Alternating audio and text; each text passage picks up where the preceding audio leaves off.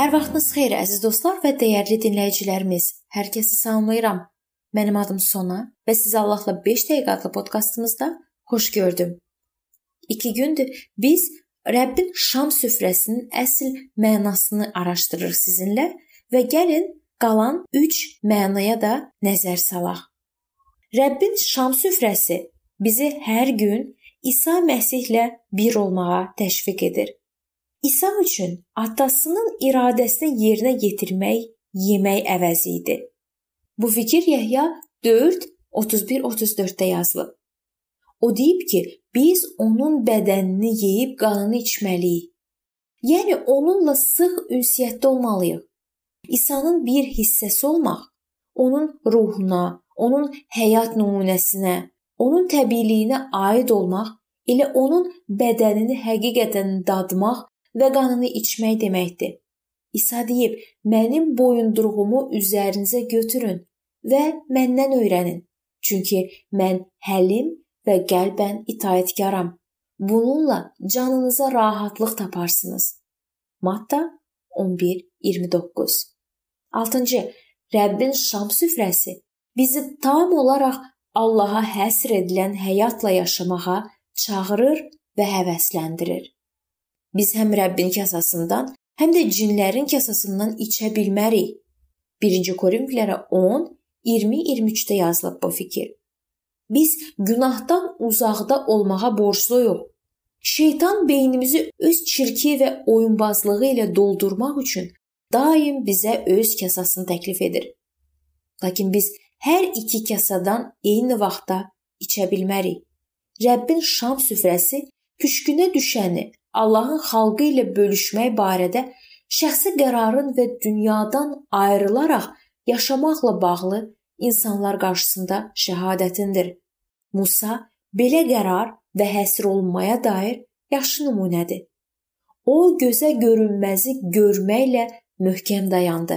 Çünki gözünü alacağı mükafata dikmişdi. İbranilərə məktub 11-ci fəsil 24-27-ci ayələr.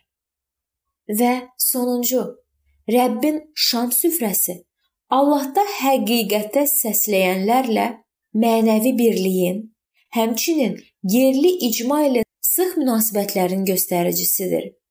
İsa Məsih vasitəsilə xilas haqqında müjdə və Rəbbə olan itaətimiz hamımızı müqəddəs şəriklikdə yaxınlaşdırır.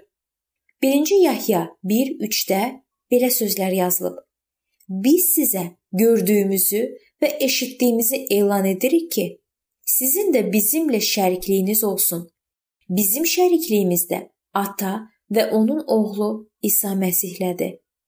Belə ünsiyyət İsa Məsihin haqqında dua etdiyi şəriklikdir.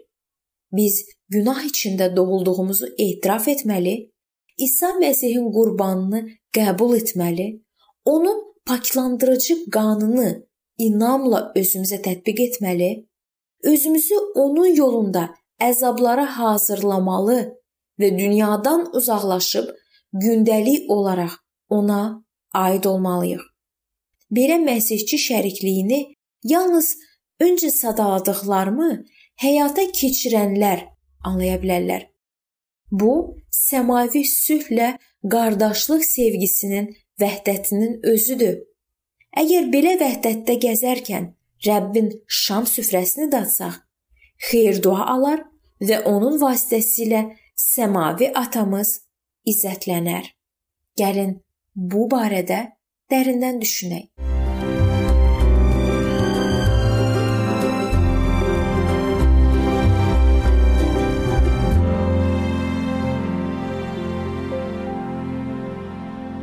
Beləliklə əziz dostlar, Bu yerdə bu mövzu sona çatdı. Hər zaman olduğu kimi sizi dəvət edirəm ki, bizim podkastlarımızı Facebook səhifəmizdən və YouTube kanalımızdan dinləməyə davam eləyəsiniz. İndi isə mən sizinlə sağollaşıram və növbəti görüşlərdə görməyə ümidi ilə. Sağ olun, salamat qalın.